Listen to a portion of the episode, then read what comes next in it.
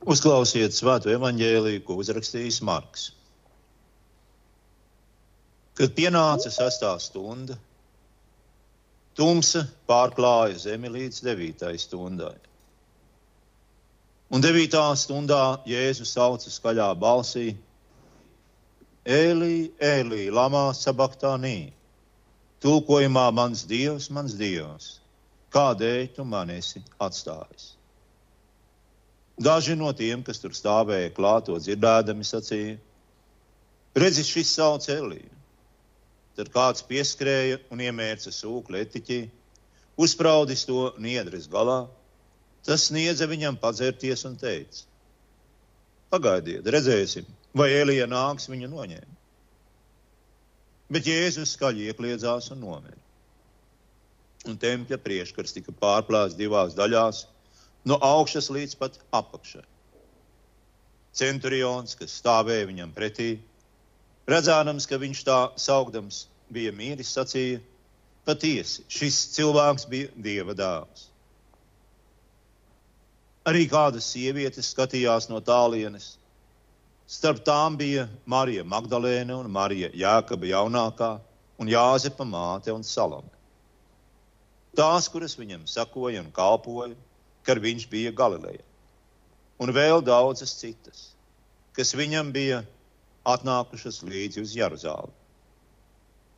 Un pievakarē, jo bija sagatavošanas diena, tas ir priekšabats, Jāzeps no Arimatejas, cienījams Sinedrija loceklis, kas arī pats gaidīja Dievu valstību, uzdrošinājās ieiet pie Pilāta un izlūdzās Jēzus miesas.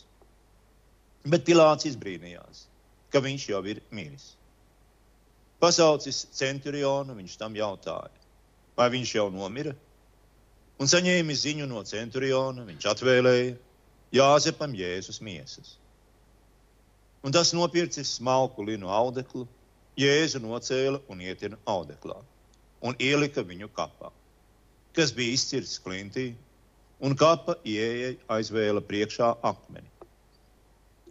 Bet Marija Magdalēna un Marija Jāzepa māte skatījās, kur viņš tika nolikts. Āmen. Žēlastība un miers ir jums no Dieva mūsu Tēva un Kunga Jēzus Kristus. Mūžīgais Dievs, Kungs, Svētais Gars. Mēs lūdzam, svētī mūs savu vārdu patiesībā, jo Tavs vārds ir patiesība un mūžīgā dzīvība. Āmen. Māksla un filozofija ir visdziļākā un patiesākā tad, kad tās mēģina risināt nāves jautājumu. Tomēr cilvēka prātam nāve ir un paliek šausminoša mistērija, rūkta un traģiska. Mēs parādāmies šajā pasaulē bez paliekošas jēgas, vienkārši lai mirtu. Visa cilvēka dzīve ir bezcerības apvesta, jo visi esam sakalti nāves bažās.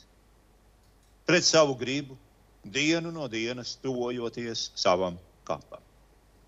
Rūktajām beigām ik viena cilvēka skumjajam liktenim. Lielajā piekdienā mēs pulcējamies ārpus Jeruzalemes mūriem uz maza pakalna, kas tiek saukts Golgātai pieres vieta. Lai vērotu, kā trīs no mums mirst. Šie trīs tika tiesāti un notiesāti kā noziedznieki. Viņiem tika piespriests nāves sods pie krusta, pie kura tie tika pakārti līdz nomirt. Diviem no viņiem bija visai tumša pagātne. Viens no viņiem to atzina tieši sacīdams, ka viņi abi saņem ko pelnījuši. Tomēr tas neatiecās uz vienu no viņiem, to, kurš karājās pie krusta, pa vidu abiem pārējiem. Viens no noziedzniekiem to zināja. Kā gan viņš varēja to zināt? Visticamāk, viņš pirmoreiz ieraudzīja Jēzu sev blakus, tikai pie krusta. Kā gan viņš varēja zināt, ka Jēzus nepieder viņu, tas ir noziedznieku pulka? Kā gan viņš varēja zināt, ka nevainīgs cilvēks piedzīvo tādu pašu likteni kā tie, kuri to visnotaļ pelnījuši? Ir grūti atbildēt uz šo jautājumu. Bet tas, ko vērojam Golgātā, ir, ka vainīgais un nevainīgais kļūst par brāļiem nāvē. Atšķirībā no noziedznieka pie krusta, par vīru, kurš karājās pie vidējā krusta, mēs zinām daudz vairāk. Mēs esam sakojuši Jēzus dzīvē visu baznīcas gada pirmo pusgadu. Mēs iepazinām viņu kā vienu no mums, dzimušu no sievas, kurš pieauga un pieņēmās gudrībā, strādāja par galdnieku un bija paklausīgs saviem vecākiem. Tā viņš dzīvoja līdz sasniedza 30 gadu vecumu, pilnībā dalīdamies mūsu dzīvē, izņemot to, ka viņš nekad negrēkoja. Viņa dzīve bija pilnīgā saskaņā ar Dievu, dzīvojot pilnīgā paklausībā Dieva gribai. Saviem apsūdzētajiem Jēzus varēja droši jautāt, kurš no jums var man uzrādīt krājumu? Ja viņš nekad nebija darījis neko sliktu, tad kāpēc viņš mīra un mīra kā noziedznieks?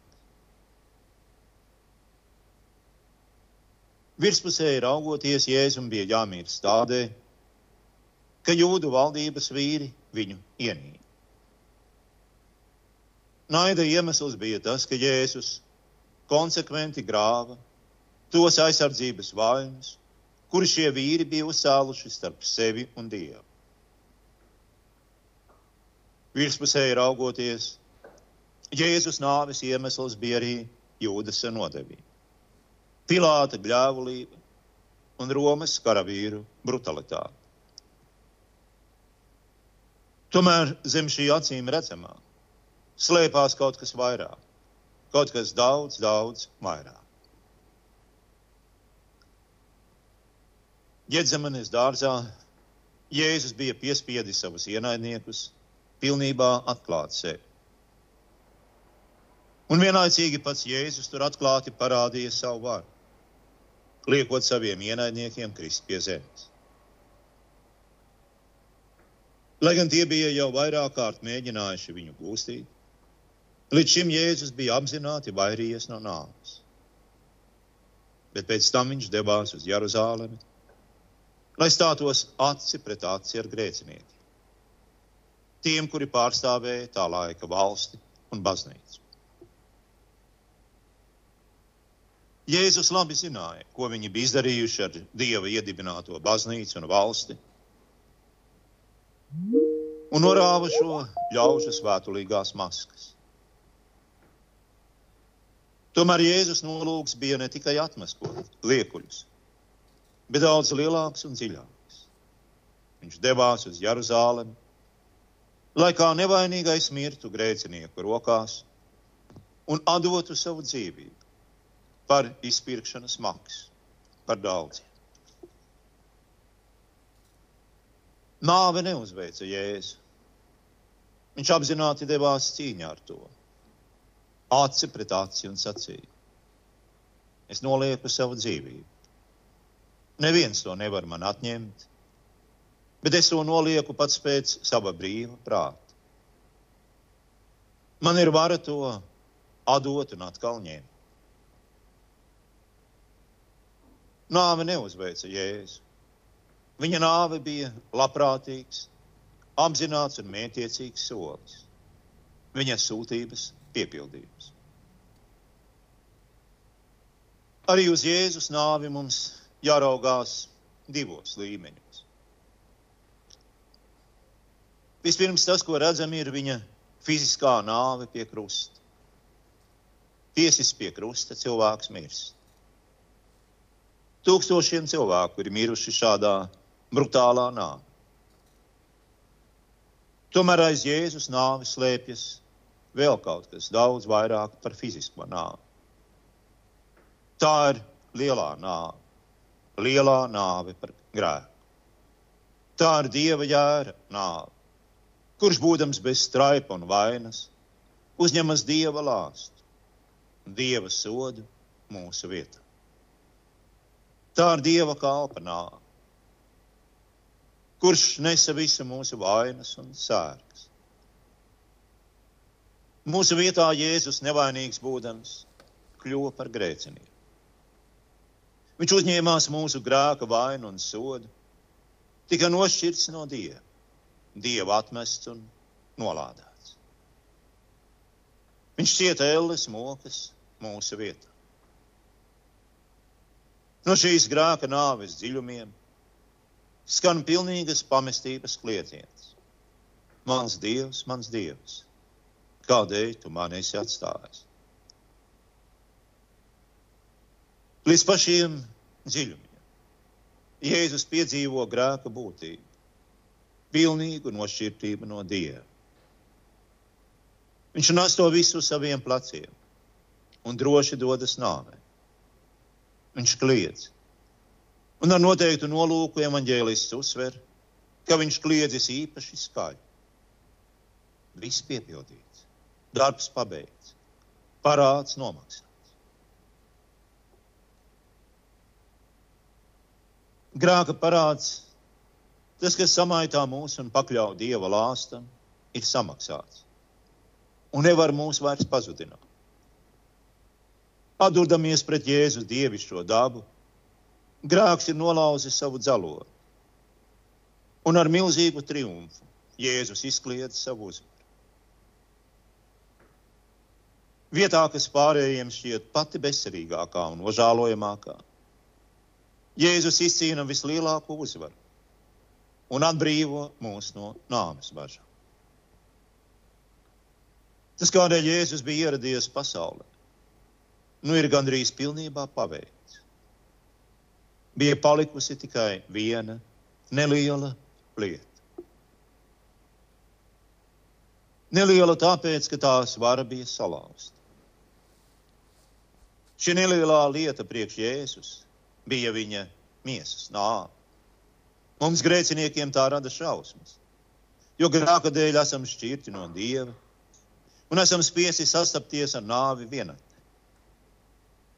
Mēs neviens negribam mirt, un šausmīgi baidāmies no fiziskas nāves.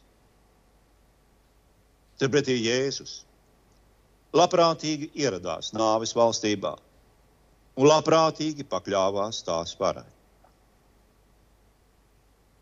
Nāves dzelonis, tas, kas rada nāves bailes, ir grēks.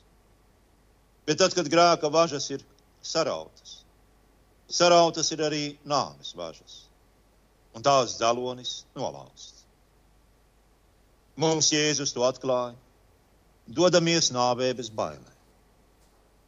Viņš apzināti dodas nāvē, piepildīdams senu pravieša Hosejas vēstījumu: Nāve, es būšu tava nāve. Jēzus devās tieši nāvē, nododam savu garu Dieva rokās. Viņa nāve bija viņa labprātīga izvēle. Par to liecina arī tas, ka Jēzus nomira ārkārtīgi ātri. Tas pārsteidz Pilātu, kam bija liela pieredze šajās lietās. Un arī jūdi zināja, ka krustā sistēma mocīsies vēl ilgi, un tādējādi apgānīs sabu. Un tādēļ viņi lūdz Pilātu pātrināt notikumus, un Pilāts piekrīt. Parasti šādas lietas tiek nokārtotas, salaužot krustā īsto kājas kas padarīja neiespējamu atspēršanos āpas ievilkšanu. Kad karēvi ieradās, lai izpildītu Pilāta pavēli, tie atklāja, ka viens no krustā sistajiem bija jau miris. Katram gadījumam karavīrs iedūra Jēzu sānos šķēru.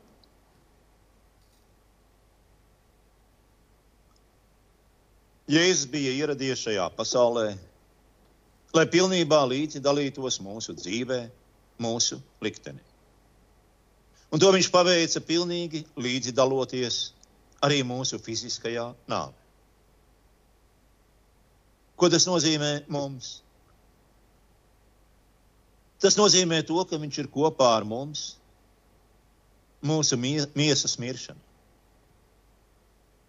Tāpat kā šie trīs vīri pie Golgātas krusta kļuva brāļa nāvē, tāpat arī mēs. Jēzus nostājās blakus ne tikai šiem diviem noziedzniekiem pie krusta, bet arī blakus ikvienam no mums, visiem citiem dumpiniekiem, zagļiem, kuri ir sadumpojušies pret Dievu un laupījuši viņa godu. Caur mūsu nāvi Jēzus dodas kopā ar mums. Mēs neesam vieni savā nāvē. Viņš patiesi mīra. Evanģēlijos šis fakts ir uzsvērts, aprakstot ne tikai viņa krusta nāvi, bet arī guldīšanu kapā. Savā kristības apliecībā mēs apliecinām, ka Jēzus tika ne tikai krustā sists un nomira, bet ka viņš tika arī aprakts, ja pareizāk sakot, guldīts kapenēs. Viņš patiesi mira. Jāzeps no Arimatijas un Nikodēms noņēma viņu no krusta, ietina līķautā un guldīja kapenēs. Jēzus tika apglabāts. Viņš bija patiesa cilvēks, tāpat kā tu un es. Ik reizi, kad mēs būdām kapā, kāda sev dārga cilvēka miesas, mēs zinām, ka Jēzus arī ir bijis tur. Viņš ir bijis kapā. Un tā ir būtiska atšķirība. Jo te mēs ieraugām, kā savu darbu dara Dievs. Ja pagājušajā svētdienā mēs dzirdējām, ka paaugstināšana nāk caur pazemošanos, tad šodien mēs dzirdam, ka dzīvība nāk caur nāvi. Pats Jēzus par to skaidri runāja pirms savas nāves. Izmantojams ainu no radīšanas, viņš teica, ir pienākusi stunda, kurā cilvēka dēls tiks pagodināts. Patiesi, patiesi es jums saku, Ja kviešu grauds nekrīt zemē un nemirst, tas paliek viens. Bet, ja mirst, tas nes daudz augļu.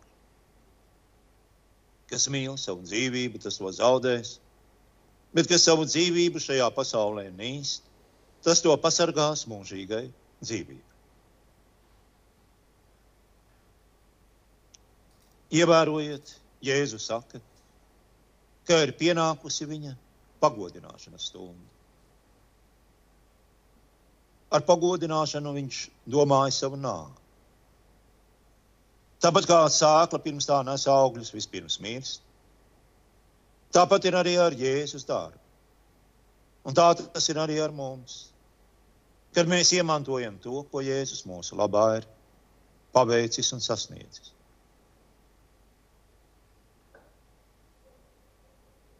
Jēzus nemīlēja savu dzīvību un deva to labprātīgi. Tie, kuri viņu sita krustā, un ik viens grēcinieks ir Jēzus krustā sitējis. Tie visi mīlēja savu dzīvi un meklēja ceļus un iespējas, kā to pasargāt, lai tā plauktu un zeltu. Tieši tādēļ, ka viņi Jēzu saskatīja draudus savai pašu veidotajai un celtajai dzīvei, grēcinieki vēlējās no viņa atbrīvot.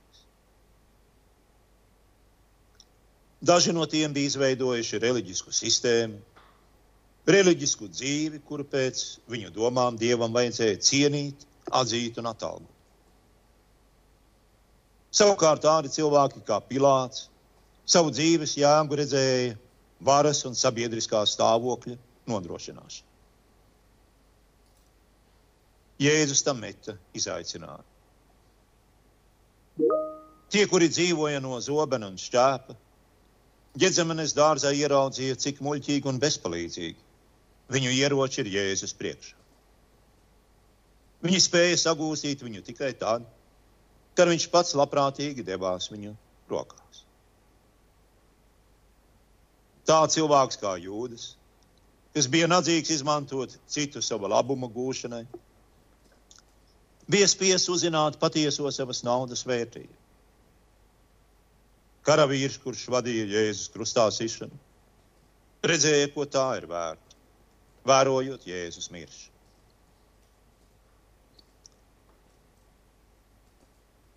Iepriekš sacītais liecina, ka Jēzus met izaicinājumu jebkurai dzīvei. Jebkurai dzīvei, kuru mēs varētu veidot paši priekš sevis. Ja mēs vēlamies pasargāt savas dzīves un paturēt tās tādā veidā, kādā vēlamies mēs paši, tad mums ir tikai viens ceļš. Mums ir jātiek vaļā no Jēzus. Veidot celtu noteikti pašam savu dzīvi bez dieva ir grēka būtība. Tas ir tas, kas grēks ir. Tas ir tas, ko visi cilvēki dara pēc savas dabas. Grēcinieki, kas vēlas paturēt, saglabāt savas dzīves tādas, kādas tie ir iecerējuši, ir Jēzus krustā sitē. Krustā sišana viskaidrāk atklāja mums, kas mums ir jādara. Ja vēlamies palikt uzticīgi savam grēkam un paturēt savas dzīves neskartas, sit viņu krustā.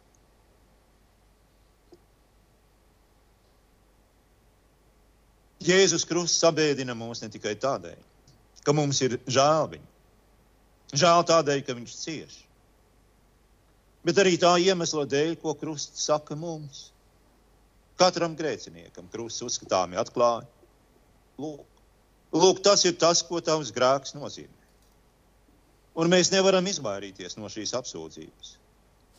Jo kurš gan no mums nav mēģinājis aizsargāt savu dzīvi no Jēzus, paturēt to tādu, kādu to vēlas pats?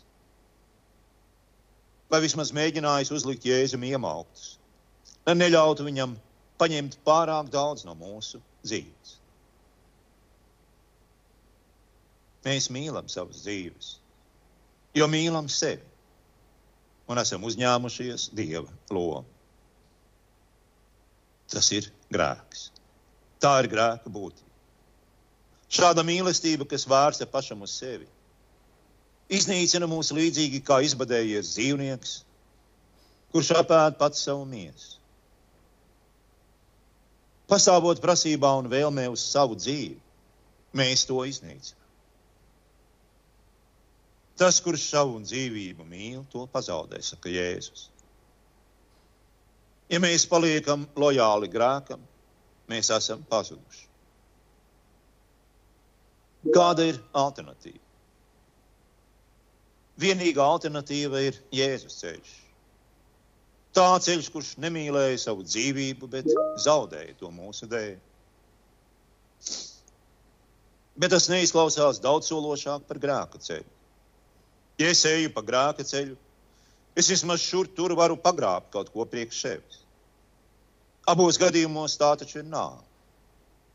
Nāve vai nu ar savu grēku pieķeroties tam, vai arī nāve ar jēzu pieķeroties viņam. Un tomēr Jēzus saka, ja kāds grib sakot man, lai aizliedz pat sevi, ņem savu krustu un sako man. Ko viņš aicina? Viņš aicina atteikties no savas dzīves un atdot to tāpat, kā viņš deva savēju. Viņš aicina mūs mirt. Tas nozīmē mūsu pašu krustā sišanu. Un tā ir ļoti sāpīga. Jo tā nozīmē mūsu kā grēcinieku, kā to, kas cenšas paturēt savas dzīves priekš sevis, miršanu. Lai ko mēs par to domātu? Bez šīs nāves Dievs nevar neko iesākt ar mums. Viņš ir Dievs, kurš rada no nekā. Dievs, kurš rada dzīvību no nāves. Jebkura dzīve, kuru mēs vēlamies iegūt bez viņa, ir pretēji viņa gribai. Un tādēļ tai vispirms ir jātiek nonāvēta. Kad esam kļuvuši brīvi, iztukšoti, no šīs pašizvēlētās, pašu radītās dzīves, tad Dievs var darīt mūs patiesi dzīvus ar savu dzīvību. Lai gan tieši ar šādu cerību daudzi nāk uz baznīcu, Dievs nekad, nekad nesniegs nevienam palīdzību un neatbalstīs mūsu pašu centienus veidot sevi un savu dzīvi pēc sava prāta. Uz to varam necerēt. Viņš nav mūsu skolnieks, māceklis vai izpalīgs. Viņš ir Dievs. Viņš nolēma un izplānoja to, kam mums ir jābūt. Un tad, kad mēs noklīdām neceļos, viņš parādīja pārsteidzošu pacietību un žēlsirdību. Uzņemdamies mūsu glābšanas un atjaunošanas darbu. Bet pirms viņš var mūs atjaunot, pirms viņš var mūs glābt, visam, kas ir nepareizs mūsos, ir jāpazūd. Tam vienkārši ir jāmirst. Kas ir šī nāve? tā nāve, ko mēs saucam par atgriešanos no grēka. Šādi šis termins ir saprotams. Tā ir atziņa, ka mēs esam kā grēcinieki. Tā ir atziņa, ka tā dzīve, kuru gribam veidot paši priekš sevis, ir pilnīgi un absolūti nepareiza. Un tā jātiek izmestai laukā, kā kaut kam pilnīgi nederīga, kā pēdējai grabažai. Un, protams, tā ir pēdējā lieta, ko mēs kā grēcinieki vēlamies. Mēs vēlamies to paturēt. Daudzi vēlas un lūdz Dievu, lai Viņš palīdz tiem veidot un uzturēt viņu grēcīgos plānus, viņu grēcīgās dzīves. Un vienīgi krusts, vienīgi lielā piekdiena spēja piespiest mūs mainīt savu prātu, piespiest atgriezties no grēka kas ir krusts. Krusts ir grēcinieka nolādēšana. Un tas nozīmē, ka tā ir arī mūsu krustā sišana. Vai tas notiek ar mums, vai arī cenšamies izraut sevi no tā, atbrīvoties, atteikties, tikt krustā sistēmu un mirt kā grēcinieki. Un tā vietā paturēt dzīvi tādu, kādu to vēlamies mēs paši. Kā tas ir? Ja mēs pastāvēsim uz to, uz savu dzīvi, Dievs to pieļaus. Jo Viņš nevēlas mūs glābt ar varu. Tomēr Dievs mudinās mūs nākt pie nāves, pie krusta nāves, pie kopības ar Jēzu viņa krusta nāvē, tā lai stāvot zem viņa krusta šodien. Mēs savā sirdīs katrs sacītu, kā Jēzus mirst tā arī es mirstu. Turpmāk es nepazīšu citu dzīvi, kā tikai to, kas nāk no mūsu kopīgās miršanas. Jēzus mirst lielajā nāvē, manā un tavā vietā. Viņš nes šausmīgo grēka nastu mūsu vietā. Viņš cieš elles ciešanas, no kā esam pasargāti. Tās tiek izciestas mūsu vietā. Viņš samaksā par grēku un tādējādi salauž grēka varu. Bet tas viss kļūst tavs vienīgi tad, ja tu mirsi kopā ar viņu, ja pārtrauksi draudzēties ar savu grēku un atteiksies no savas pašizdomātās dzīves, kuru tu vēlies veidot pats priekš sevis bez viņa. Šāda atgriešanās, šāda atteikšanās savas miesas un visa, kas dievam netīkams, krustā sišana. Ir vienīgais veids, kā mēs saņemam Kristus krusta nopelnus mūsu pestīšanu. Tas ir vienīgais ceļš, kā varam dzīvot ar glābjošo Jēzus krustu. Pāvils saka, mēs katru dienu tiekam krustā sist, jo mums katru dienu jāmirst grēki. Šādi krusts kļūst par mūsu dzīves veidu. Jo mums ikdienas ir jāmīst sirds satriektībā un grāku nožāvā, kā māca mūsu katekis. Krusts satur mūs no padošanās grēkam, no mēģinājumiem veidot savu dzīvi bez Jēzus. Krusts ir mūsu vecā cilvēka nāve. Un mums jādodas šajā nāvē. Tikpat labprātīgi, kā Jēzus devās savā krusta nāvē. Ceļš uz dzīvību ved tikai caur šādu miršanu. Un ticiet man, tā ir ļoti sāpīga. Tā ir ļoti nepatīkama.